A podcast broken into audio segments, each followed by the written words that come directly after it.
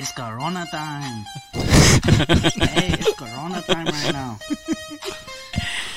It's corona time. Ja, det, det er jo dessverre det.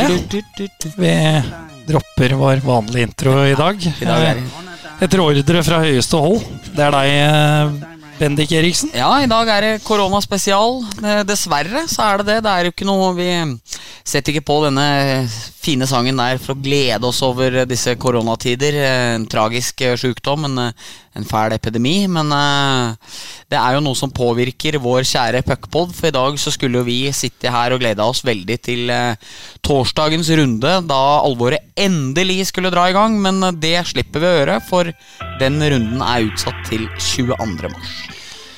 Det er den. og Da måtte vi jo bare droppe hele introduksjonen vi hadde planlagt, eh, med å sammenligne med privatfesta oppe på Vårtun og at nå begynner moroa, men eh, det, det gjør jeg altså ikke. Mange som har fått en knekt nese eller to oppe på Vårtun her, så, så slipper du å rippe opp i det for, for folk fra Hamar og distriktene rundt der. For der, der, der hadde gutta på seg vernesko.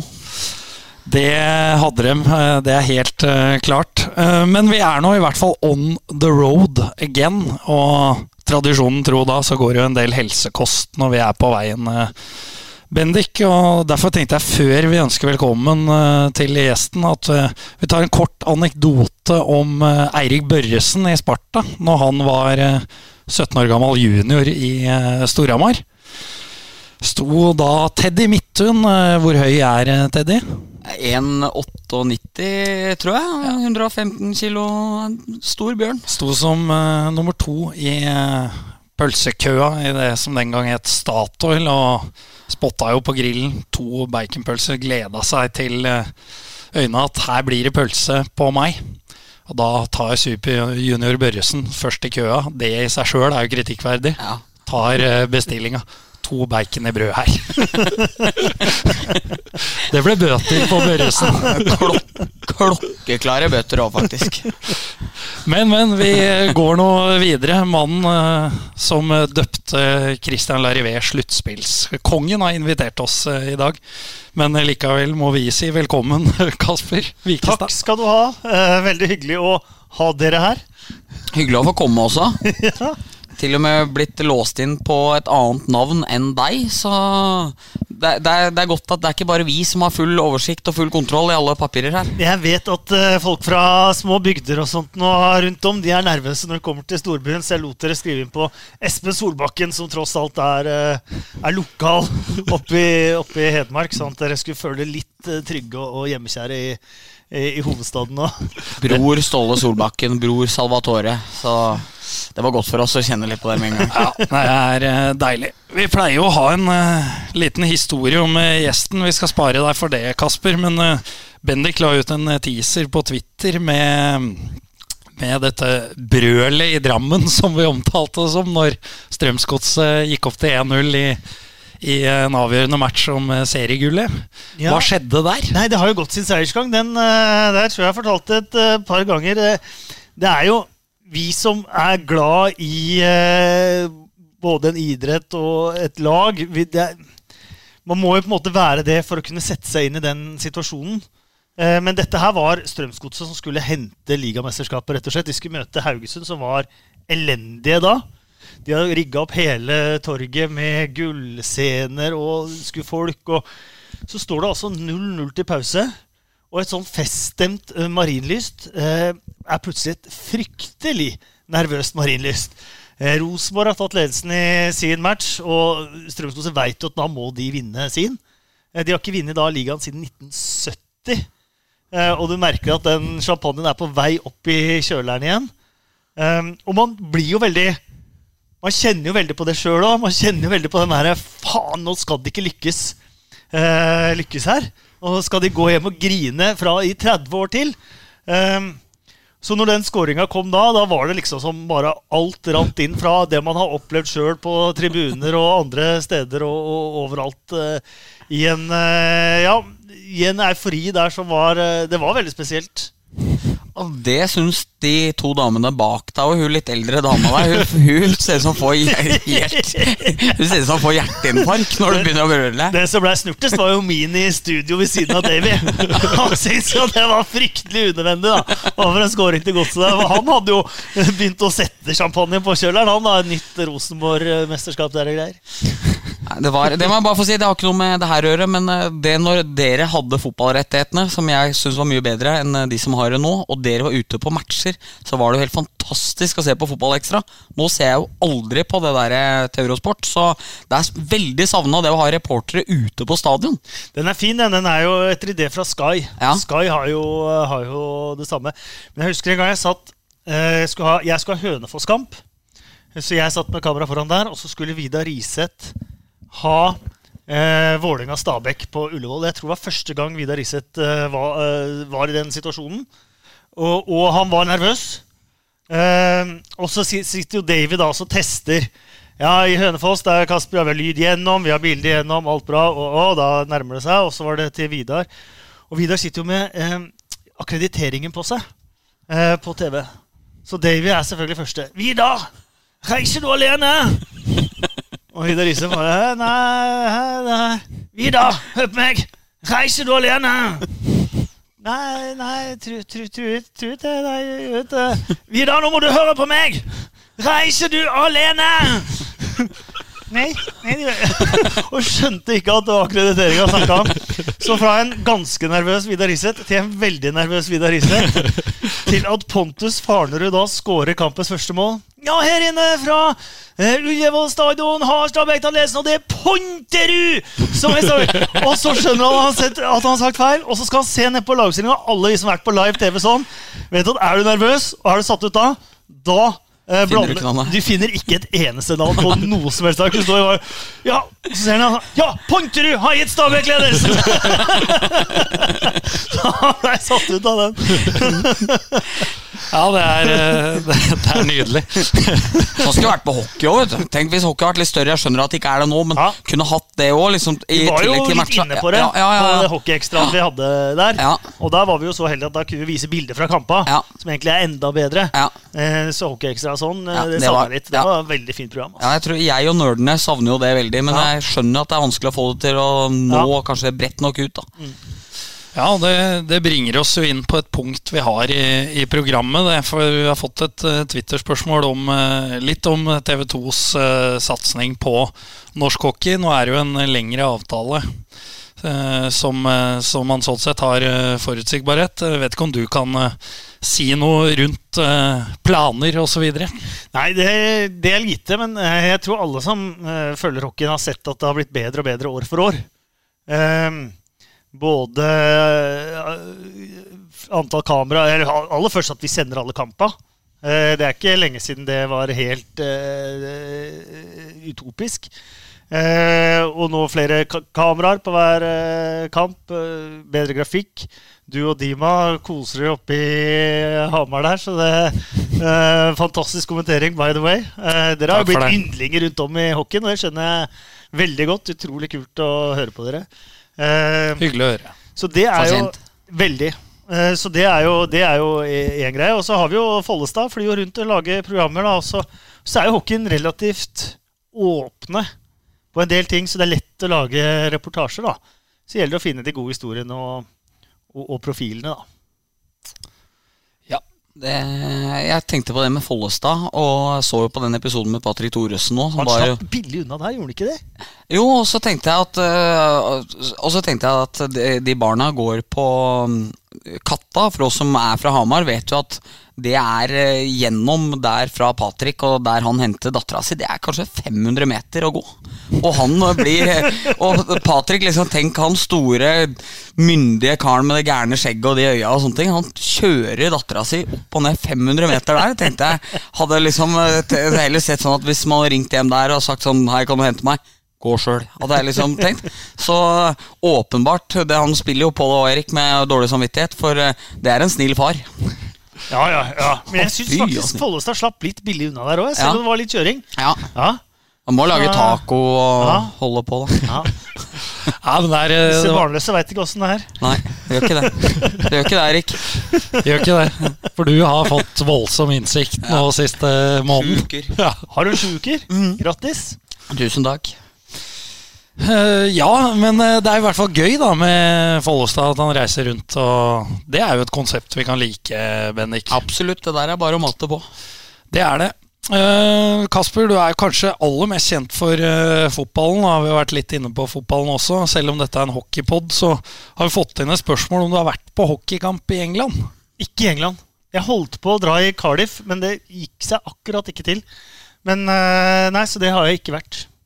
Nei, Eh, det, Jeg snakka litt om, med, med Peter Check om hockeyen i, i England, eh, faktisk. Han mente at det var blitt eh, ikke så voldelig og mye bedre liga enn enn det var. Han er jo fryktelig hockeyinteressert. ja, og debuterte vel for et eller annet lag i, i mål her. Var det forrige sesong? Var det ikke i år, da? Var det i år? Ja. ja. Og han mente på at han hadde blitt tatt kontakt med av en, en norsk klubb Ja. eh, for å spille en kamp eller, eh, eller to, da, men at det ikke passa det. Og så er han veldig god i basket òg, tror jeg. Og er skikkelig interessert der òg. Det er, eh, Og en enormt god trommeslager. er han det òg? Ja. Multitalent. Han fikk alt det vi ikke fikk! Det gutterommet her ikke har noe av, det kan alt ha. Talent!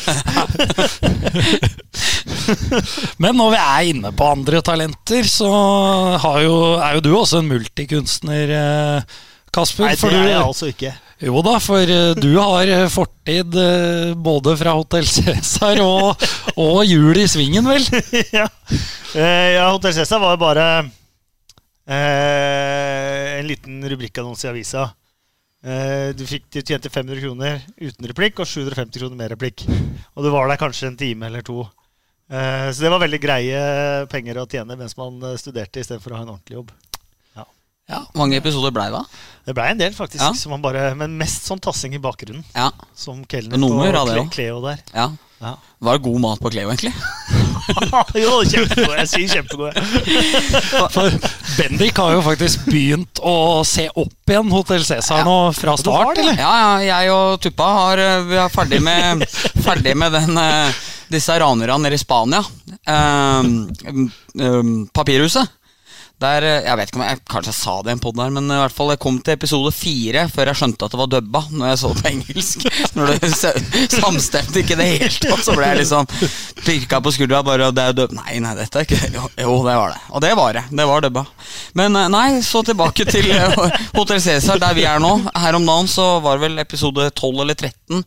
Jens August er jo kommet ut av fengsel. Eh, går i en sånn derre Sånn leopardskinn-dress, eh, jakke og bukse. Den ene episoden kjører han den, og andre så er det Alex som bruker den. Hun fra Kristiansand. Hun eh, med store fordeler, som noen ville sagt, som vi ikke vi sier her. Eh, så den bruker den annenhver episode nærmest, og den ene episoden så kommer han ut, og så møter han Albert Lunde. Og hva tror du han sier? Nei, jeg vet ikke. Fikk håpe. Har du blitt noe på deg i det siste? Det er liksom sånn, sånn Jenseren kjører. Ja, ja, sånn kjører Jenseren i starten. der er Jenseren. Ja, men han eh, har jo bra utvikling etter hvert, han. Ja, veldig bra. Han uh... Jeg jobba sammen med Kristin Frogner på Hudøy, faktisk. Ja? Ja, eh, Feriekoloni.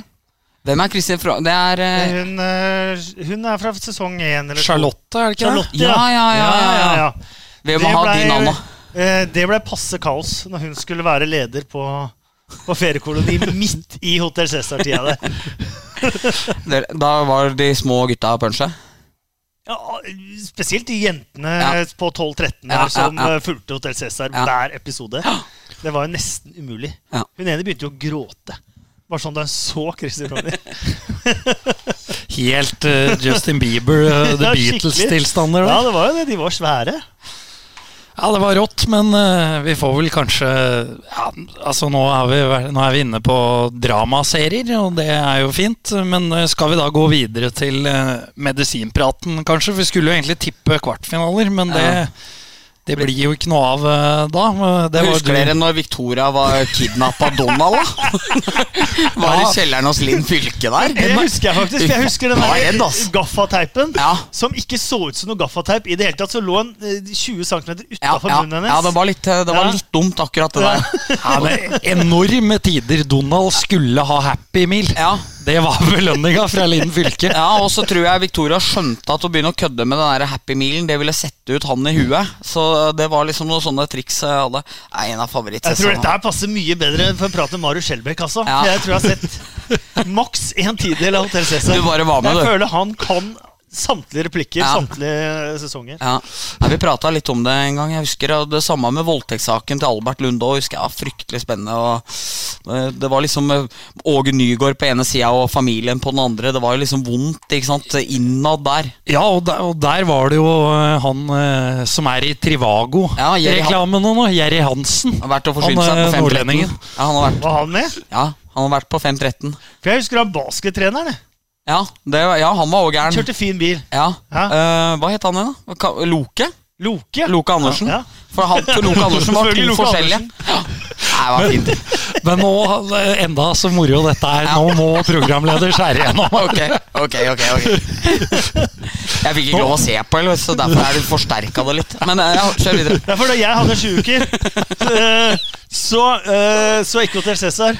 Eh, Men da tok jeg på meg natte, de tunge nattoppgavene, for da kunne han ligge på brystkassa Ja. hvis jeg kunne se NHL. Ja, lurt. Ja, Det er et godt tips. Ja, det skal tas. Jeg har aldri sett mer NHL enn han var liten baby. Nei. Det Det er, er, eh, Og fikk mye kred også ja, for å ta de nettene. viktig også, ikke sant. Ja. Ja. ja, men det er jo et hockeyrelatert tips. Ja. Så det er jo Da Komme gjennom Hotell Cæsar med det. ja, det, det var ikke verst. Det leda til noe godt. Yes. Men eh, Kasper, du var jo litt skeptisk når jeg la ut en teaser på Twitter i dag til eh, dagens podkast, når du skjønte at det skulle bli medisinsk tema, virka det som. Ja, det er jo triste greier, da. Det er jo det. Ja, det er jo det. det jeg føler Dette sluttspillet her hadde, hadde liksom alle ingredienser òg. Eh, jeg tror ikke Stavanger har tatt 4-0 i matcher mot eh, David Booth og co. Eh, Stjernen kunne fort gjort det spennende for Storhamar. Sparta, Vålerenga, Lillehammer Frisk, begge de to kliss åpne. Eh, ja, det kunne virkelig blitt sånn fantastisk sluttspill. Ja. Og så har det aldri vært en lengre sesong enn i år heller, føler jeg. Det var eh, Stavanger stakk av og var seriemestere Ja. i oktober. Uh, Storhamar har ligget på andreplass der. Så har det vært spennende om tredjeplassen lenge. Så valgte Lillehammer å kjøre inn håndbrekken håndbrekket nå siste, siste mila her, og gjøre at noen noen fikk Frisk skli spurta forbi. ikke akkurat det heller. Nei, det var ikke sprint der heller. Det var, eh, det var jo til slutt om å gjøre å ikke ta den tredjeplassen, så det ut som, når Vålerenga til slutt uh, kollapsa i Grünerhallen. Så Nei, men det har liksom Og de Østfold-laga har ligget i seks og sju, og så har det vært spennende om den eh, siste plassen. Men eh, for vårt eh, ståsted, da, som følger Storhamar tette, så har jo dette vært en av de kjedeligste sesongene, syns jeg, på lang, lang tid. Og med januarrullering og hvordan laget skulle komme i gang. Og det har ikke akkurat sett sånn ut siste par matchene nå heller. Men eh, så skulle jo det her liksom være indrefileten, men eh, dette blei lapskaus i stedet, ser det ut til. Ja, eh, men nå er det jo altså Det er jo utsatt, da. Eh, ønsker at eh, panelet her drodler litt rundt hva som kommer til å, skje. Men også, vi snakka om det på tur inn, Bendik, at hadde, det har jo allerede vært aktivitet på diverse fangrupper om at man er villig til å kjøpe billetter i, i sympati da, med klubbene hvis det sluttspillet må gå for tomme tribuner. Er ikke det da den beste løsningen i stedet for å avlyse? Jeg skal passe meg for å sitte her og si hva som er best og dårligst, men jeg tenker at om to uker så er det vel, uh, ut ifra det man skjønner av dem som har mye mer peiling på dette enn meg, er det vel at da skal jo mest sannsynlig enda flere være sjuke enn hva det er akkurat nå. Altså at det her er jo ikke Du vil jo ikke kunne stoppe smittekjeden ennå. Er vel sånn eh, det rapporteres. Så skal ikke jeg ta en uh, Jørgen Klopp her og halshugge deg for at du spør meg om det her nå. Uh, men, uh, men Så det virker jo ikke sånn. Så om to uker så er det vel noe spørsmål om det er blitt noe bedre da. Mest sannsynlig har det ikke det. Det eneste det gjør, er at du får lenger ut, og så begynner du å få trøbbel med kontrakter som går lenger enn mars. For mitt vedkommende så hadde det kanskje vært eh, smart å dratt i gang så fort som mulig og spilt for tomme tribuner. Og så er jo det eh, gode argumentet som eh, du lanserte for meg i stad, som jeg ikke hadde tenkt på. Som supporterne skriver òg, at Storhamar ville spilt for pressefolk og funksjonærer, men det ville antageligvis vært kanskje 1500-2000 mennesker som hadde kjøpt billett til kampen uten å få sett den, for de veit at laget vil blø så vanvittig mye som de vil nå. Og det gjelder jo ikke bare Storhamar, det gjelder andre klubber også.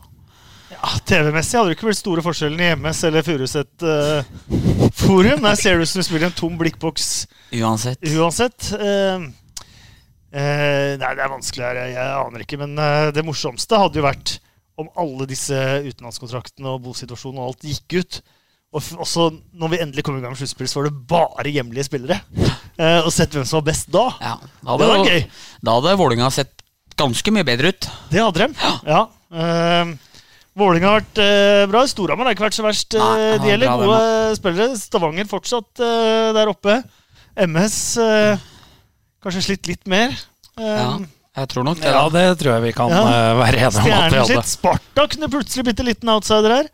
Det hadde vært eh, kaste korta på nytt. Jeg tror faktisk Sparta òg hadde jo virkelig ja. Hadde med, med det. med stort sett bare norske backer, norsk Ja. keeper. Eh, Carlsen da hadde jo liksom hatt toppspillere òg, på en Ja. litt annen måte enn de kanskje har akkurat nå. da Ja, Det har vært interessant, det. Ja, det hadde det. Så send utlendinga hjem. Det er Send moralen dem her. hjem, og så får vi et Så du- bare hjemlige spillere. Sett, sett bort ifra hele koronaepidemien, da, så ønsker du egentlig å senke utlendingskvota til Nei, nei, det hadde gøy, det hadde vært gøy å se en gang. Det hadde det vært. Utlendinger er stort sett en berikelse i norsk hockey også. Ja. Ja. Men eh, hadde det Hva eh, tenker du om eh, å spille for tomme tribuner, Kasper? Jeg syns jo Hvis, altså hvis det alternativet er å avlyse, da. Ja, jeg veit det, men det, det, er, det, er, det er vanskelig. For selvfølgelig er det viktig å kåre mester, og for folk er det viktig å, å få en mester. og sånn. Men idrett er ingenting nesten uten det som skjer på, på tribuna. Eller ja, det er, ingenting er å ta i, men det er en så stor del av det som er toppidrett, er det som er på tribuna. At det blir jo på mange måter noe helt annet. Liksom. Jeg har vært på masse matcher på Manga, og hvis jeg ser en fotballkamp Eh, eller for så vidt Hasløren eh, også i Lørenhallen, så å si uten folk, så er det liksom på litt andre premisser. Eh, men eh, eh, det ville vært utrolig stusslig uten eh, publikum, altså, et sluttspill. Det er vi vel enige om. I- Ingen tvil, men jeg har liksom tenkt hele veien at det å skulle spille uten tilskuere eh, og nærmest gå videre vil bare være tap, fordi du må betale ut mer bonuser, det er mer ting som går ut, det er mer utgifter på at du må reise videre og sånne ting, men så Og reising er faktisk en del av tingen, eh, tingen her, da. Ja. Eh, hvis du skal utsette spillere for f.eks. å dra til eh, Stavanger, så må de både reise til flyplass, de må være på flyplass, de må reise med fly med, eh, med folk. Det er alle de andre implikasjonene Ja, som kommer inn der også, da. Eh, hvis dette her eh, sprer seg. Så det er liksom ikke bare eh, hosting på tribuna som Nei. er eh, Hvis man skal sette spillernes trygghet i, i, i høysetet òg, da. Og et annet poeng der faktisk er jo hva gjør uh, ligaen med kvalik? Fordi skal du busse lag opp til Narvik for å spille med tomme tribuner, eller uh, hvordan du tenker å gjøre det? For det er jo det er ikke bare bare det heller. Det eh, det er en tur. Nei, det ble jo nevnt altså Selvfølgelig må vi understreke det at når det gjelder den saken her, så er jo helse går eh, først. Helse og liv, og det er alle enige om. Eh, eh, så sport er sånn sett uviktig, men det blir også påpekt da, når du nevner kvaliken, at f.eks.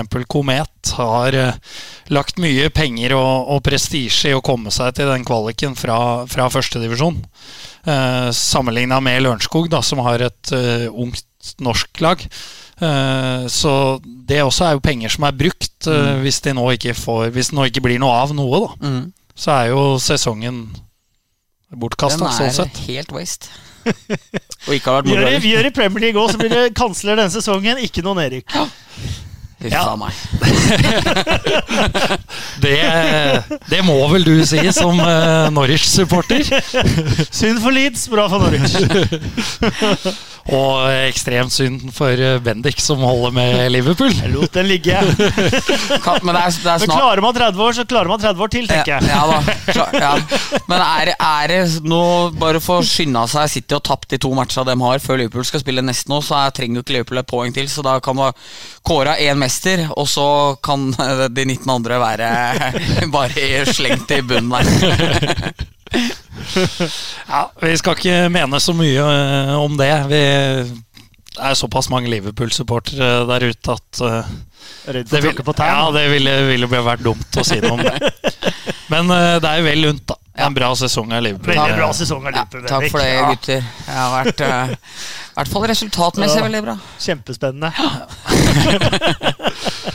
Skal vi, la, skal vi si at det var medisinpraten eh, Ja.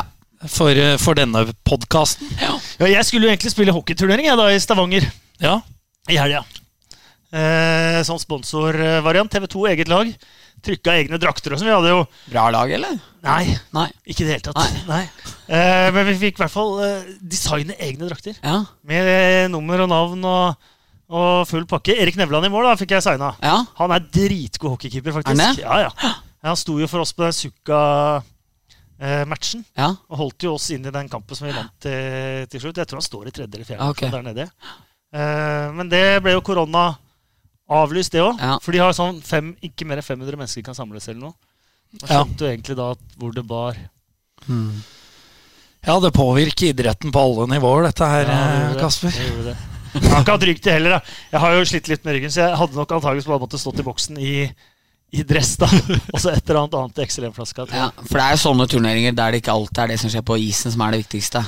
Nei, jeg tror det. Jeg har ikke vært med på det før. Men eh, TV 2 i Bergen De har jo hockeytrening hver onsdag. Det har den, ja. Ja, Det er, uh, har vi ikke i Oslo. Nei. Det er litt synd. Og Ervik og Follestad var heller ikke påmeldt. Nei. Det jeg tror ikke vi kunne gjort. Vi måtte stort mye på Nevland. Men eh, vi må inn på For du hadde jo en eh, Vi må inn på Jordal, for du hadde jo en eh, følelsesladd eh, opplevelse der i den siste seriekampen på Jordal før, eh, før de starta rivinga, Kasper. Eh, ja, jeg er jo vokst opp med den, med den hallen. Og det satt langt inne at de skulle rive oss og bygge nytt for min del, altså. Jeg var sånn eh, Ikke før eh, rotten og rusten gnagde opp gjennom setene at jeg tenkte at det kunne være en god idé. For at eh, det er jo en Den arenaen det er en fantastisk arena, sånn som den var. Det var jo bygd til OL i 52 som noe helt, helt nytt og nyskapende. Eh, det er jo Sonja Hennies stue. Eh, fantastisk sted. Eh, og jeg tror ikke det er så kontroversielt å si. Jeg har vært i mange, mange steder har sett idrett eh, rundt om i verden. Men et fullsatt Jordal Amfi eh, Si da Marinucci avgjorde, da. Ja. Eh, det er ikke mange steder i verden som kan sammenligne seg med den atmosfæra som kom inn i den trykkokeren som var Jordal Amfi.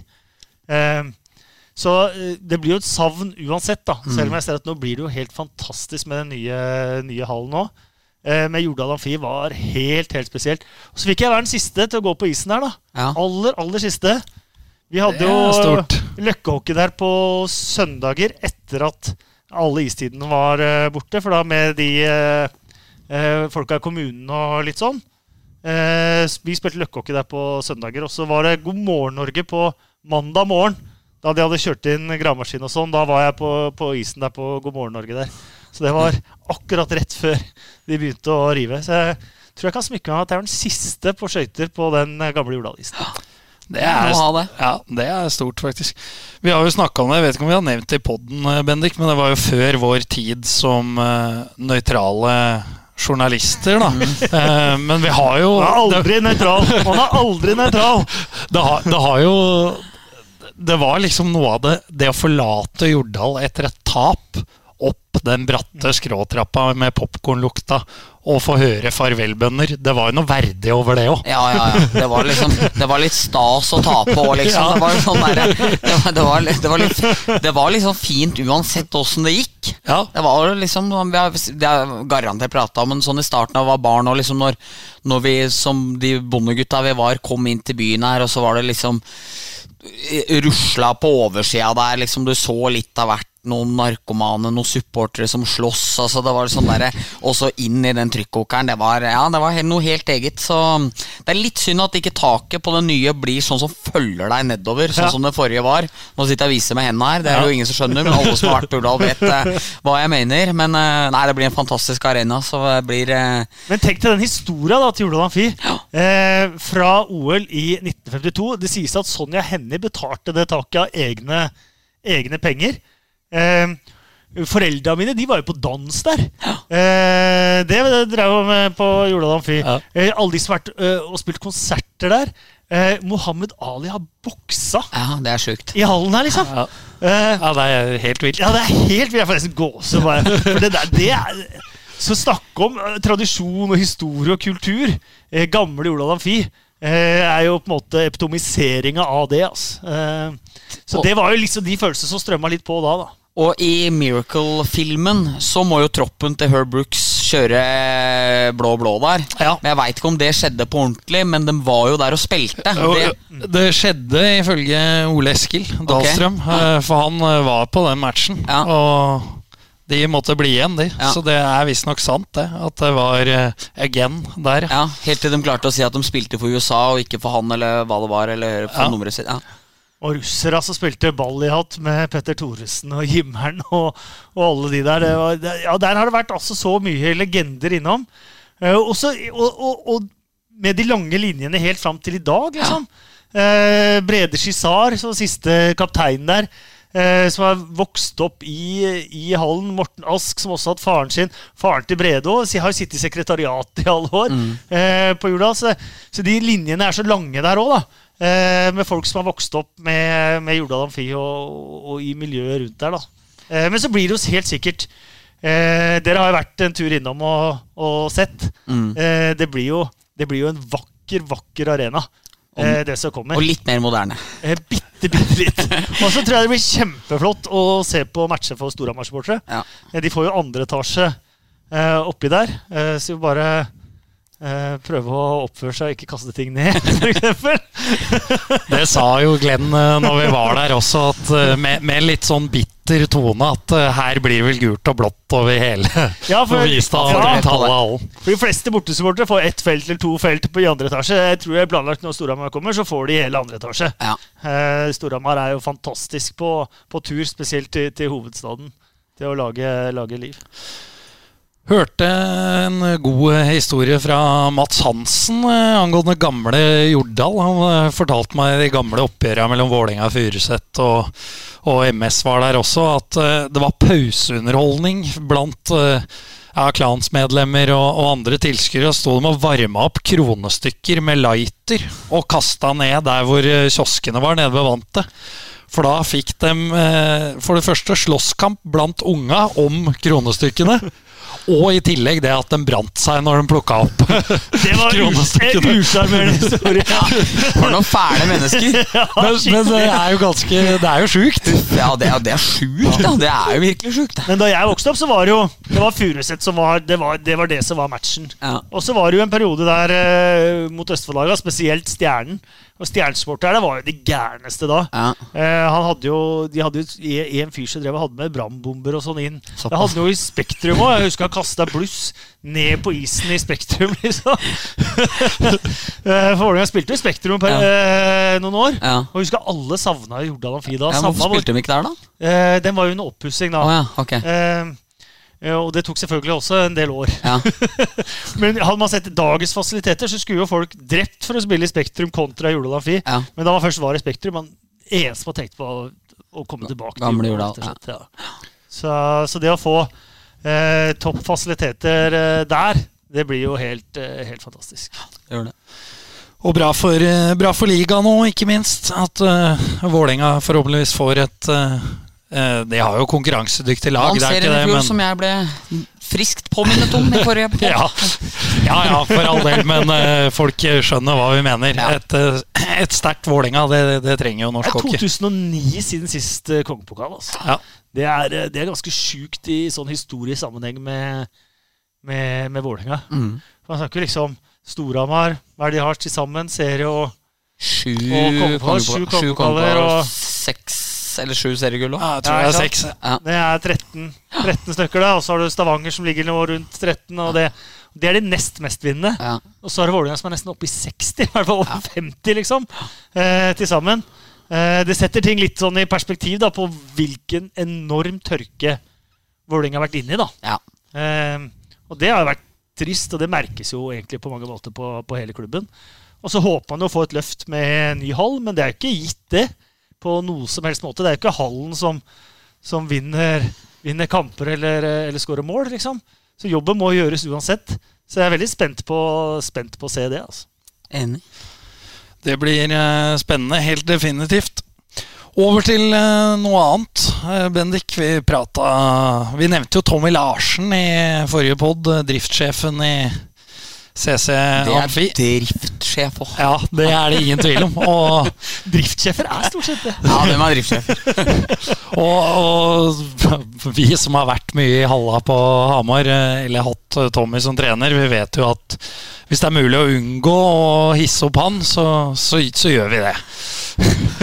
Men uh, vi hadde jo en hendelse. Vi har spilte hockey med Norsk Tipping her, hvor uh, han uh, stramma opp uh, André Svarstad, lillebroren til eh, linjedommer Joakim Svarstad, for en eh, posesnus eh, i boksen. Var det ikke det, Bendik? Han hadde lagt den der, for det var ikke til hans forsvar søppeldunker som det pleier å være. Så var Tommy helt gal først, og så måtte André strekke henda i været og si at beklager, men det var ikke. Og da var det greit. Ja, for han hadde jo tenkt å kaste den, eh, André. så Men få. sånn gikk det ikke her om dagen, hørte jeg rykter om. Nei, det, det gjorde ikke det, for uh, da var det Jonas Djupvik som han, han hadde ikke lagt posesnussen på benken med intensjon om å kaste den senere. Han, han hadde kasta den inn i boksen på tur forbi. Og uh, dette observerer jo Tommy, og det viser jo litt hvor driftssjef Tommy er, fordi Mikael Omo har jo samla laget ute på isen og er jo midt i en tale om eh, hva de skal gjøre når, eh, ut fra rapportene, hva jeg har fått vite, en illsint Tommy Larsen strener inn i boksen og, og avbryter Mikael Emo for å stramme opp eh, Djupvik etter alle kunstens regler. Det er fullt fortjent. Ja, men det er jo Ja. Det er det. Skal oppføre seg i, i hallen. Og vi, vi, vi skal vokte oss for å begynne med faste spalter. For det er som Skjelbæk i B-laget sa til oss, at uh, faste spalter det er det verste som er. Ja. Det må ikke begynne med. Nei. Så vi skal Hvorfor unngå det, men vi, vi kan love Hvorfor sa han det? Jeg elsker faste spalter. Han sa det. Oh, ja. Faste spalter er helt eh, nydelig. Men, men han har også Nå er jo ikke Marius her til å forsvare seg, men han har jo også Han får seg sjøl til å virke som en introvert fyr som ikke er glad i å reise òg, hvis du hører på B-laget nå. Og det er bare løgn, det òg. Liksom, jeg skal ikke snakke til ham, skal ikke reise, og skal ikke gjøre noe. Jeg vet ikke om et mer sosialt menneske enn han. Så bare så få tatt livet av en liten myte her òg. Men, men det har han vel også sagt i en annen sammenheng til oss, at det der med prinsipper Altså, du, du skal være fast og late som du har prinsipper når du uttaler deg om noe, men du skal ikke stå for dem. Nei, nei, trenger ikke det. Det kan jo gå imot neste sending. Men i hvert fall, vi kan love en, en glimrende historie til om Tommy, men den skal vi spare til neste podkast, var det ikke det vi ble enige om? En såkalt cliffhanger.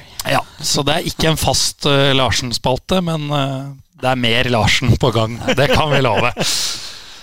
Så Kasper, du har eh, fått et eh, oppdrag av oss. Ja, du vet hva det var Unnskyld at jeg sier det. Et litt ræva oppdrag. Var det det? Ja. For det er umulig. Ja, ok. Jeg tenkte det var litt sånn å få brukt de kreative ferdighetene. Nei. Nei, jeg, jeg har prøvd på noen. Ja, men uh, hvis uh, vi, vi kan jo si, eller du kan si, Ja. Bendik, oppdraget du ga, og så tar, vi, tar du det du har. Oppdraget jeg ga, var rett og slett eh, Vi trenger kanskje ikke å ta alle, eller hvis, det, hvis du merker Nei. at det ikke er fett, men jeg ga en liste med spillere. ehm, eh, hockeyspillere, norske. Patrick Thoresen, Rasmus Alholm, Dan Kissel, eh, Andrew O'Brien Dan eh, er var der? Nei. Nei, han var ikke der. Tommy Kristiansen var der. Jeg strøk Dan Kissel. Jeg strøk faktisk et par eh, spillere som Ja. eh, kanskje ikke har eh, Som er liksom eh, ikke er nok eh, profilerte for absolutt alle. Så ja, nei, Henrik Ødegaard er med. Eh, Jeg har eh, sendt Og så vil vi ha PL-versjonen av dem, Premier League-versjonen, og hvorfor. Ja. Da tar vi det du har, eh, Kasper. ja. Niklas Rost. Ja. Det tenker jeg er ganske enkelt. Pesten, som han blir kalt. Ja, men han er jo eh, Han er jo ikke fra eh, Sarpsborg. Han er jo en eh, Manglerud-gutt. Eh, ekstremt lojal, oppofrende. Eh, betyr utrolig mye for laget uten alltid å få eh, Alltid å få den kreden som han fortjener for det. Eh, Sparta mye bedre med han enn uten han. Eh, Stjeler ikke overskriften ofte, men uh, er en leder. Jordan Henderson. Det er helt korrekt. Ah, Sterkt. Deilig. er kruttsterkt. Ja, jeg ble glad. Ja, nå følte jeg dette oppdraget fikk en veldig god start. Ja, det gjør jeg òg. Um, Andy O'Brien. Uh, god hockeyspiller. Uh, uh, legger ingenting imellom. Uh, kan være litt gris. Uh, får ofte skylda for ting han ikke har gjort. Um, så jeg lå litt mellom Roy Keane og Vinnie Jones der. Såpass, ja. Uh, Det er knallhardt. um, den dere egentlig burde gitt dette oppdraget til, vet du. ja. Eh, men det er vanskelig å få som gjest i podkasten. Det er Viktor Hedman. ja. Det er vanskelig å få som gjest. Det er vanskelig å få som gjest. Jeg spilte den Sukka-matchen et år. Ja, Og, og du vet når du møter folk, eh, gutter, ja. og du får den, den enorme forelskelsen. Den man-crusher som bare Åh! Jeg skulle ønske vi kunne være bestevenner og henge sammen resten av livet. Fikk du den med Hedman? Og noe så innmari òg. Eh, vi hadde nøyaktig de samme interessene i livet. Eh, ishockey, selvfølgelig. Eh, Air Crash Investigation. Eh, på National eh, Geographic. Sett alle episoder to ganger. Eh, og Football Manager. Ja. Eh, han spiller altså så mye fotballmanager at du vil ikke tro det. Eh, så vi står der i baren, eh, og før Freddy får eh, Freddy Dos Santos da, eh, får presentert seg Han bare 'Freddy Dos Santos, jeg vet alt om deg. From Shade, eh, from shade til Molde og Vålerenga. Jeg kjøpte alltid deg. Topp prospect, man! og, så, og så apropos Erik Nevland, så står Erik Nevland eh, ved siden av, og så sier jeg Victor, nå skal du bare få to hint. Han fyren er herfra, har én kamp for Manchester United. Tar det tre sekunder, og så bare Nei, faen! Er Erik Nevland, eller?! Det er fett. ja, så eh, så Victor, eh, Victor Hedman hadde helt sikkert eh, løst denne oppgaven bedre Hvis du kan sette oss i kontakt med han, så tar vi gjerne han som gjest. Jeg tror vi flyr over. fyr. Han har sletta Twitteren sin nå, dessverre. Ah, men jeg var, var litt sånn claim to fame at når jeg trykka på hvem han fulgte, og i rekkefølge når han begynte å fulgte, Zlatan, Kasper Vikstad. den er grei, den. Men nå er han ikke på tittel lenger, dessverre, så nå er min claim to fame Jeg tok ikke skjermbildet heller. Nei, den burde du hatt. Den burde jeg hatt, faktisk. Ja, eh, Enig. Eh, men eh, fantastisk, fantastisk fyr. Og fantastisk hockeyspiller òg. En av verdens desidert beste backer. På de der eh, matchene så spiller vi jo fotball først. Ja, Uh, og det er jo litt skummelt. ja. Uh, For du vil jo helst ikke komme borti noen ankler der, eller, eller sånn. Og både han og broren spilte på det motsatte laget der, der vi spilte. Men det var, eh, det var ordentlig skummelt. Han gikk, dro vel hjem og skrev en 70 millioner dollar avtale uka etter. Ja. Det hadde vært veldig dumt å være han som gikk inn med knotten og ødela den. Ja, den hadde vært tung. Så hvis dere får han som gjest, Ja. gi samme oppgave. Ja. Får sikkert eh, bedre svar. ja. Ja. Det skal vi huske. Så spørs det. Om vi får han som gjest, Ja. dessverre. Vi prøvde jo på Mikko Rantanen, og han trente med Storhamar. ja. Eh, Men det var ikke aktuelt. Jeg tror Hvis det hadde vært litt tidligere i uka, så tror jeg kanskje vi hadde klart det. Men ja. det, er, det er vann under brua nå. ja, man må benytte muligheten man får. Ja, Ja. det var tungt. Tommy Christiansen. Eh, noen som husker eh, Kevin Nolan? Ja. Ja. Eh, Jeg føler Tommy er bedre enn Kevin Nolan. Men det var ikke min oppgave. Mye samme. Eh, ja, for litt sånn Kevin Nolan og Kevin Davies vanskelig å se forskjell på. Så, litt blanding av de to. Ja. Skåre viktige mål. Pest og en plage for motstanderne. Er egentlig fra en annen by, men har gjort en ny by til sin hjemby. liksom, Og blitt en enorm, nesten lokal helt der. Ja. I Stavanger, selv om han er serping.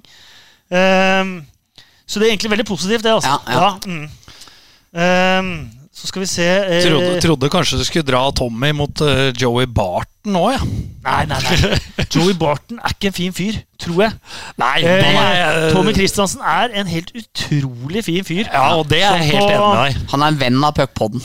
Ja, eh, jeg tror han er venn av alle han møter. Ja. Så har han selvfølgelig et eh, litt sånn dårlig rykte eh, blant supportere og alt sånt, men det han gjør, er jo stort sett bare å lage liv og, eh, og engasjement. Ja. Det var, Eh, var det jeg tenkte på da på bana, at Barton eh, kunne jo miste huet litt, men han eh, bidro jo, for, Ja. eh, i hvert fall for Newcastle, som er laget mitt. Ja, og så er det sjelden Tommy Christiansen mister huet sånn mister huet. Eh, ja, det har vel sett sånn én gang. Det er jo en måned siden, kanskje. Oh, jo, det stemmer, det. det, ja, det, ja, var litt turmist. Men så hvor du føler han mister huet på en måte han ikke har kontroll lenger. da Ja. Sånn som Joey Barton for eksempel, gjorde det mot Aguero der Ja. han ble utvist. og, og sånt noe. Ja. Det tror jeg bare har sett én gang, og det var da de tapte seriefinalen på Jordal 1-7. Ja, Da, da var det en ubalanse. Ja. Men det tror jeg eneste gang jeg har sett en sånn det skal være lov. i helt ubalanse. Uh, men ja, du, han hadde den. Eh, Rasmus Alholm, vanskelig å, å finne noen på, egentlig. Eh, Grunnen til at jeg hengte den på, er at den gikk til erkerivalen. Om det var eh, noe lignende der som vi Ja. kunne liksom uh, hooke tak i. Figo fra Barca til Real Madrid der, men ja, eh, det er ikke Premier vil du nevne Alholm og Figo i samme åndedrag? Ut ifra liga. Blant de beste i sin liga. Jeg, jeg vil jo heller ikke nevne eh, Niklas Ross som Jordan Henderson, eller, som det er kaptein for den mektigste klubben i Mye mer på sin plass. Hva med, hva med Stirling, da? Ja, Stirling er jo en liten en der, Ja, ja, kanskje det. faktisk. Ja. Da gir vi Stirling til Adam. Da bør han sende en liten blomsterbukett til, uh, til Puckpodden, syns jeg. Ja, For det er jo et eh, kompliment. Ja, det er det. Stirling er blant de beste i ligaen. Nei, jeg har en på Adam som er mye bedre. Lukaku. Lukaku. Mhm.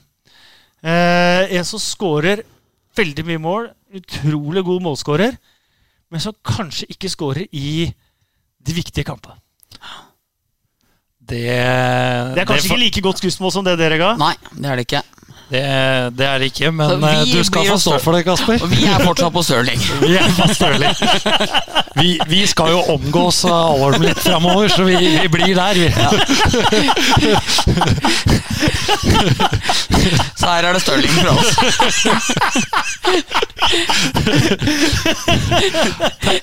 Tenker, tenker den er grei. Er Har, ikke noe dårlig skussmål å være Lukaku heller. Nei Da. da, det er Han er jo god fotballspiller og en veldig god målskårer.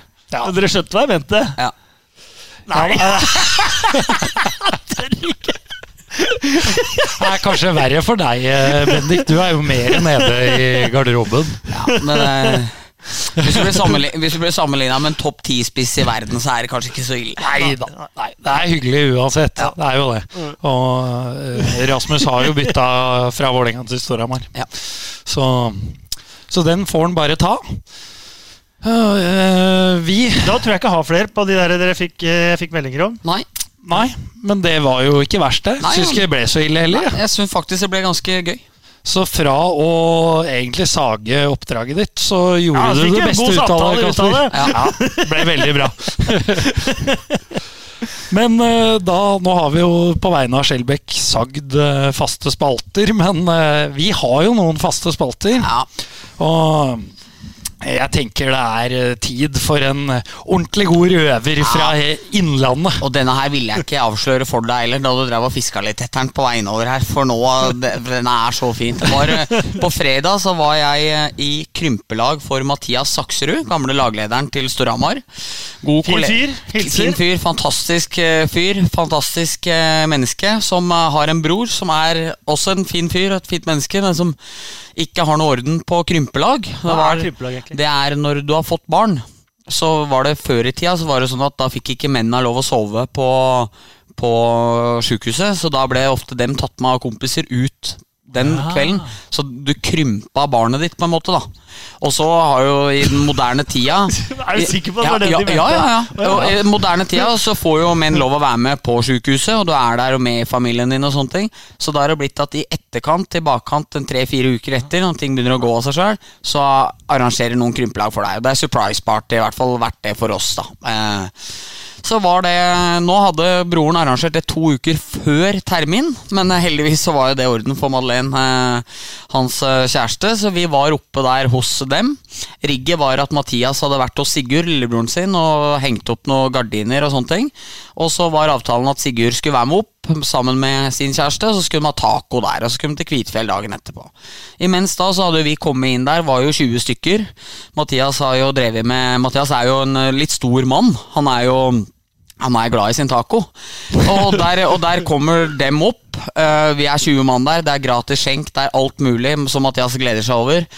Han kommer inn i stua, surprise! Og 20 mann hopper på han. Han hopper av glede og er blid i ti sekunder, og så sier han ja, Betyr dette at det ikke er taco?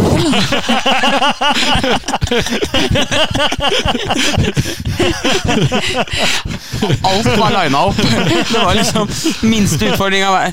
Ja, nei, nei, du fikser noe mat. Ja, jeg håper jo det, liksom. Så, så var han glad igjen. Ja, det er fint. For det blei ikke taco på han. Det ble ikke taco på han. Det var eh, Tore, hans far, som også er lagleder i Storhamar. Prøvde å få tak i noen pizzaer fra La Perla. Dem var busy, så blei det noen fra Pizza Ninni i stedet. Da Er det mye verre? Eh, nei, det er jevnbra. Ja. Det er jevnbra. Jeg har spist mye La Perla pizza i mitt liv. Så, så da blei det sånn. veldig bra, Bendik. Du er jammen meg flink til å fortelle historier. For Altså. det er ikke, ikke helt sikkert den er helt sånn, men, eh, men det er i hvert fall varsla at den skulle komme.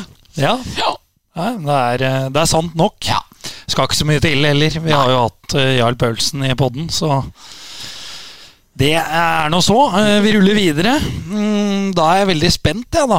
Eh, for det er jo fast eh, spalte, det også. Det er jo Ukens kaktus og, og Det er ikke Skjelbæk som har regi her.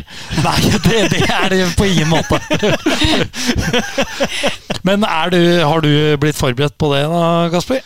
Du ble det på Twitter. Eh, ja, og det står i den tekstmeldingen med alle disse fotballspillerne. Ja. ja. faktisk. Ja, ja, ja, ja. Jeg gir honnør for forberedelsesvarianter her. Ja, og da er spørsmålet Skal vi da kanskje starte nå som han ikke er her, og, og gi en liten mini, en felles, til Glenn Jensen?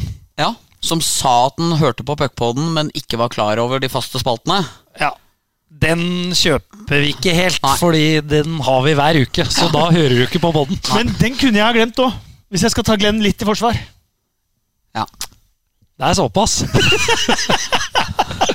Glenn er for øvrig nydelig, og som eh, jeg sa det jo til dere her, at eh, da Vålinga hadde tapt 5-1 og kanskje gått på historiens mest pinlige tap, så var jo allikevel treaplassen et faktum pga. at alle andre nærmest gjørs på å tape på lørdag. Da dundra det inn ei melding fra Glenn som var kry over tabelltipset sitt i forrige Puckpodden. altså, altså, altså, spillere hadde ikke fått av seg utstyret inne i Grünerhallen engang. Det, var, det burde, burde, vært, burde, burde kjørt strutsetaktikk. Da sendte han hele meldinga var kry over tabelltipset sitt. Men det er tidenes forhåndsanmeldte katastrofe, det der. Ja. Jeg kommenterte Frisk eh, Lillehammer, og Frisk vinner eh, 2-1. Og jeg sier i Askerhallen mens jeg kommenterer, at det er peak Vålinga å tape i eh, Grünerhallen eh, til helga. Og jeg sa det vel til Janna da jeg intervjua han eh, etterpå også, at eh, jeg trenger ikke gi opp noe her, for vi veit at Vålinga taper i Grünerhallen. Nei, det var visst bare tull, det, da. Men eh, nei, det skjønte jeg. At det kom til å skje. Å ja. Ja, det... det- var ingen overraskelse. Men det er sterkt eh, av deg, det må jeg si. Altså, å forutse den for det. Ja, greit nok at Vålinga har gått på noe smeller. Vi var inne på de Ja, hvor gamle er vi Kongsvinger-kampene. her? sånn, Hvor, hvor, hvor lenge har vi fulgt denne ligaen, og, eh, og, og også Vålerenga, liksom? Det er ingenting som er mer typisk Vålerenga enn å gjøre jobben mot Storhamar. Se, sende seg selv opp på den tredjeplassen, og så tape 1-5 i Grünerhallen. Allikevel er det et lag som har vunnet én match det tiåret her. De eh, ryker for, liksom. Altså, det skal Ja, ja. ikke gå an allikevel. Og det går. Ja, det, det det, går. gikk. Det er, eh, Gryner tapte min... Nei, tapt Vi Storhamar 2 tapte mindre i en enkeltkamp hjemme mot Gryner i fjor enn hva Vålerenga klarte å gjøre i den matchen her. Tror- Det skal ikke gå an. Men Vålerenga har alltid der Jeg tror det sto seriemesterskapet. Jeg tror MS sto med null seier i en sesong. Vant 2-0 på Juledal Fi. Oppskriftsmessig! Det begynner å bli 20 år siden, og da Vålerenga liksom var på topp. Sånn er Vålerenga. Ja. Det, Nei, det det kommer aldri til å slå feil. Eh, Bare skyte inn, da, før, hvis noen arresterer oss på det, at vi tapte også med mer enn fire mål mot Grüner eh, i fjor. Ja, det- ble litt en match her. Ja. Men du, har, har du Gateliga-kamper? Nei. Nei. Jeg gikk gjennom fotoarkivet mitt i går. Jeg var jo fotograf før. Se om jeg fant noen bilder av det. Ja, du, Det var tynt. Ja, det var dårlig med det. Det ble, ble med noen treninger, og Ja. det var vel sikkert mer enn fortjent, vil enkelte hevde. Nei, nei, nei. Men eh, nei, ble ikke det. Verken jeg eller Eriksen har noe å slå i bordet med der. nei han spurte jeg ikke engang. Det la du merke til. Dette er Klassebekk i tredje div øst, Kasper. Sterk der, faktisk. Ja, nei, men eh, det, det var jo en bra digresjon, det òg. Skal, skal vi kjøre Vi pleier å starte med å skryte. Ja. ja, vi gjør det. Skryter av noen nå. Ja, da vil jeg bare eh, hylle Narvik. Eh, det Narvik har vist denne sesongen her, det er vel siste lag som har vært i nærheten av å ta så mange poeng som nyoppbruket, er vel Lørenskog. Da de la x antall millioner i potten for å gjøre dette her. Eh, vi har sett eh, lag rykke opp, bruke penger som fulle sjømenn og forsvinne rett ut omtrent uten et poeng, omtrent med minuspoeng. Eh, og så så vi Ringerike, som gjorde en fantastisk jobb forrige sesong eh, med å ikke kjøpe over evne, satse på det laget de hadde, og gjorde det respektabelt. Og så smeller Narvik altså av gårde denne sesongen her med 45 poeng. Og jeg syns det er så utrolig trist egentlig at de ikke lykkes med å få et sluttspill. Hell i uhell kanskje at det ikke ble noe sluttspill, da. Eh, Men, eh, men de fortjener så mye heder, ære og ros. Og det der engasjementet de har der oppe også, i hele byen. Eh, Helt fantastisk. Vært en kjempeberikelse for norsk ishockey. Og de er altså så utafor allfarvei at de eneste de spiller treningskamper mot, er eh, et eller annet svensk lag. Ja, Kiruna. Så, Kiruna, så de møter 100 ganger.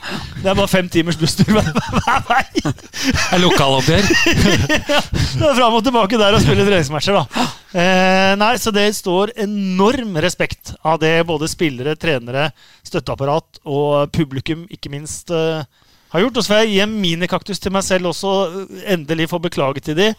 De spiller jo i Nordkraft Arena, i den krigsherjede byen eh, Narvik. Det er lagd til og med filmer om, om hva de måtte igjennom eh, mellom 40 og 45. Og vi skulle endelig ha det første Gateliga-oppgjøret fra Narvik. Eh, alle gleder seg. Um, og dronebildene går inn over eh, hallen og arenaen, og jeg får 'vær så god' på øret når vi kommer inn i hallen, og jeg sier det er en stor glede og ære å ønske velkommen denne historiske matchen i Nordfront Arena. Sa du det? Jeg ser, jeg ser Bjørn Erevik så hvit i ansiktet Han ser opp på meg. Ja, det fikk jeg ikke med meg. Nei. Nei, det fikk, det fikk Twitter med seg. Og det var bare å rekke begge hendene. Det var, det var uncalled for. Det var trengte jeg ikke. Ja, Fantastisk. fantastisk. Ja, Så da har jeg beklaget det en gang for alle. Ja, det er nydelig. Ja, det er ve- veldig bra, Kasper. Bendik, hvem ønsker du å skryte av? Eh, jeg ønsker i dag å skryte av Kristoffer Carlsen, av alle ting. Jeg hadde ikke forberedt meg noe spesielt godt på det, til tross for at jeg vet jo om den spalten her. Men det målet han skårer sist nå, nå var det Nobels fredspris, altså Rama har egen sone der, så det var bare å rusle gjennom. Men eh, de puckferdighetene og det han gjør i så stor fart, har var imponert meg over han hele året. Så det var Sparta-fans som mente han hadde vært lagets beste spiller i år. Han syns det har vært fantastisk eh, bra. Og så er det så kult å se en sånn norsk spiller som underholder publikum. Som Mattis Olimb eller Sukka, eller altså som, som gjør ting de aller færreste andre gjør. da Så jeg tror jeg rett og slett sender en ørliten eh, kvast eh, nedover til eh, Solbyen. Vel fortjent. Vel fortjent. Han var eh, herja jo, Ja, egentlig, han gjorde det. på, på lørdag. Ja. Eh, ja, så var det meg. Jeg uh, gjør noe vi ikke gjør så ofte i denne podkasten, og det får vi strekk for av de uh, som utøver den gjerninga og har sympati for dem. Det er nemlig dommere som skal få skryt, og det er vel fortjent. Bendik, du var helt enig i den. Det var jo i Vålerenga-Storhamar, det, i Furuset Forum. Utvisning på Oppøyen der. Alholm vender og, og faller. Kan se ut som en tripping eh, ved første øyekast, men eh, det viser reprisen at det ikke er. Og var det Solem som hadde utvisningen på armen? Det var det. Og så Blir et lite råd der. Ja, også det som imponerte meg så veldig med det, var at uh, det hadde vært lett når du skjønner at Oi, nå har jeg driti meg ut. uh, og Alholm har falt, selv om han faller jo av naturlige grunner. At han setter jo tuppen i isen. Og da bare lagt på en diving eller sånn eh, embellishment, eller hva det heter for noe, og så bare får du ut likt antall. Det hadde vært quickfixen å gjort, men i stedet så samler han dommerne, kansellerer utvisninga og erkjenner at først gjorde jeg egentlig feil, men så retter jeg opp igjen i det. Mye lettere for alle å akseptere, og det syns jeg var eh, imponerende gjort av den rutinerte dommeren som gjorde comeback i år. Ja, Og da tar vi med hele kvartetten, så vi har det på det rene. Det var Solem, Persson, Kruse og Bakken. Gratulerer. Nydelig kvartett. Jeg skal gi en liten, også, liten til, til resten òg. De får utrolig mye pepper, disse dommerne eh, rundt om. Eh, stort sett er de utrolig flinke. Og i motsetning til veldig mange andre som utøver samme yrke i eh, andre idretter og i andre land, så er de stort sett veldig veldig åpne og veldig imøtekommende på eh, kritikk og på å forklare seg utad og, og alt mulig sånn. Og det syns jeg det står eh, respekt av. Enig. Enig. Så vær så god fra alle oss i Puckpodden. Så for- skal vi være litt eh, negative. Vi skal dele ut eh, kaktusen og Mister Vikestad, du åpner ballet. Eh, nei, jeg ga egentlig kaktus mest til meg selv eh, da, for åpninga, åpninga her. Eh, eh, men eh, Så jeg har egentlig ikke Det, det fins jo mange kaktuser å dele ut hvis man først skal begynne. Eh, Amfi har tatt eh, Hva er det? 33 år? Ja. Jeg at den står klar til, til høsten. da. Eh, korona eh, står høyt på lista. Vi får ikke sluttspill, i hvert fall ikke med det første. Så mange kaktuser å dele ut. Det er det. Jeg eh, velger å gi kaktusen min til eh, det vi prata om innledningsvis her. De laga som er i toppen. Storhamar var altså så jævlig på lørdag at jeg har ikke sett maken. Altså, nei, men det er det er verste jeg har sett den første perioden. Da prata med Robin Aalstrøm og faren nede, og sa liksom Robin at nei, første perioden skjønte jeg ingenting av, for det var liksom kunne ligge under 4-5-0. Det er jo Grasjnar som redder dem. altså det er sånn, det er greit, treneren er borte, og noen nøkkelspillere er borte. Jeg var helt sjokkert over eh, den eh, oppvisninga. Men uh, Storhamar er jo ikke aleine om det. Det var jo alle laga som trengte å vinne på lørdag for å få en tredjeplass. Dem eh, klarte heller ikke det. Vil jo si at eh, Lillehammer, med de spillerne dem etter hvert har hatt, syns det er ganske dårlig å komme bak det Vålerenga-laget på sparebluss her eh, på tabellen i år. Det må jeg si. Så ikke noe imponert over Lillehammer heller, som nå får en mye vanskeligere vei. Og så er jo spørsmålet i disse koronatider med ikke matcher og den slags, om Lillehammer har råd til det. Det blir spennende å se. Dem, dem og Storhamar og mange andre kommer til å få store utfordringer, tror jeg, etter eh, det kommer til å bli noen eh, kanskje ikke så altfor lystige årsmøter eh, rundt om eh, i hockeyklubbene i Norge i år. Nei, det tror jeg du har eh, rett i. Hvis det ikke blir sånne årsmøter på Skype, da. Så alle, alle sitter hjemme, så blir det ikke så ille. Kan jeg komme med en liten ekstrablomst? I og med at dette er Storhamar-podkast. Ja, Og det er alle gutta på galleri oppe ved kommentatorplassene på i CC Amfi. Eh, det er altså så hyggelig å komme til Hamar og kommentere matcher. Og eh, tulle og spøke litt med de gode gamle gutta. Og høre noen gamle historier og fortelle noen gamle historier. Og, og drive litt sånn Vålerenga-Storhamar-ting og sånt noe. Eh, de gjør arbeidsdagen i Hamar helt fantastiske. Det er en flott flott gjeng som eh, sitter der. Og det gjelder for så vidt, i og med at jeg er eh, nå også i en- uh, Hamar-podkast, så skal jeg gi det til hele klubben uh, Storhamar òg. Hyggelig fra du går inn døra på jobb, alle de møter på veien, eh, til spillere nede i garderoben og til folk de møter. Bare hyggelige folk. Seinest på min tur til Manchester nå. Møtte en uh, Storhamar-mann. Eh, Prata lenge både fotball og eh, ishockey. Eh, utrolig hyggelig. Det er eh, Helt motsatt av da man gikk inn på gamle Jordal. For da var det om å gjøre å gjøre det vanskeligst mulig for deg fra alle funksjonærer. Fra start til slutt.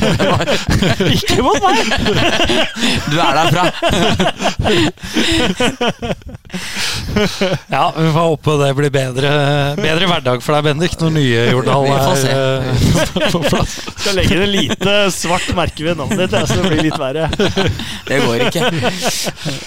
Ja, og min kaktus, den nevnte jo du, Kasper. Den er jo åpenbar. Den går jo til eh, koronaviruset. Ikke, må understreke det, ikke til eh, de forhåndsregler som er eh, tatt mot det.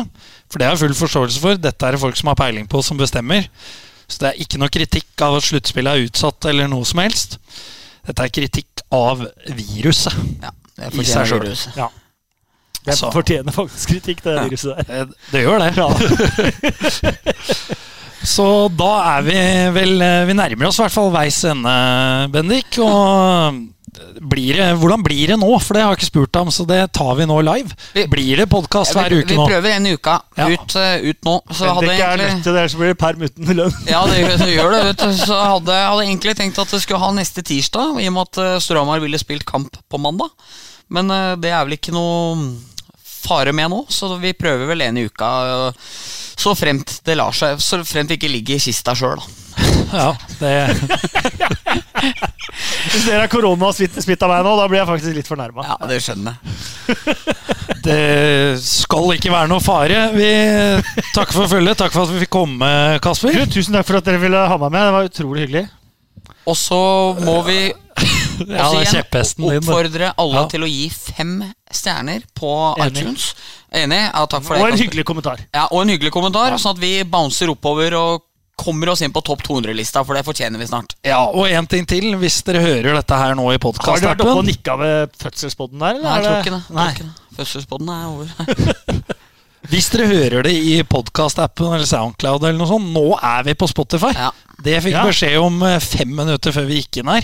Så nå er det bare å legge oss inn eh, der. Så, så er vi- vi også med i 2020, omsider. Yep. På gjenhør.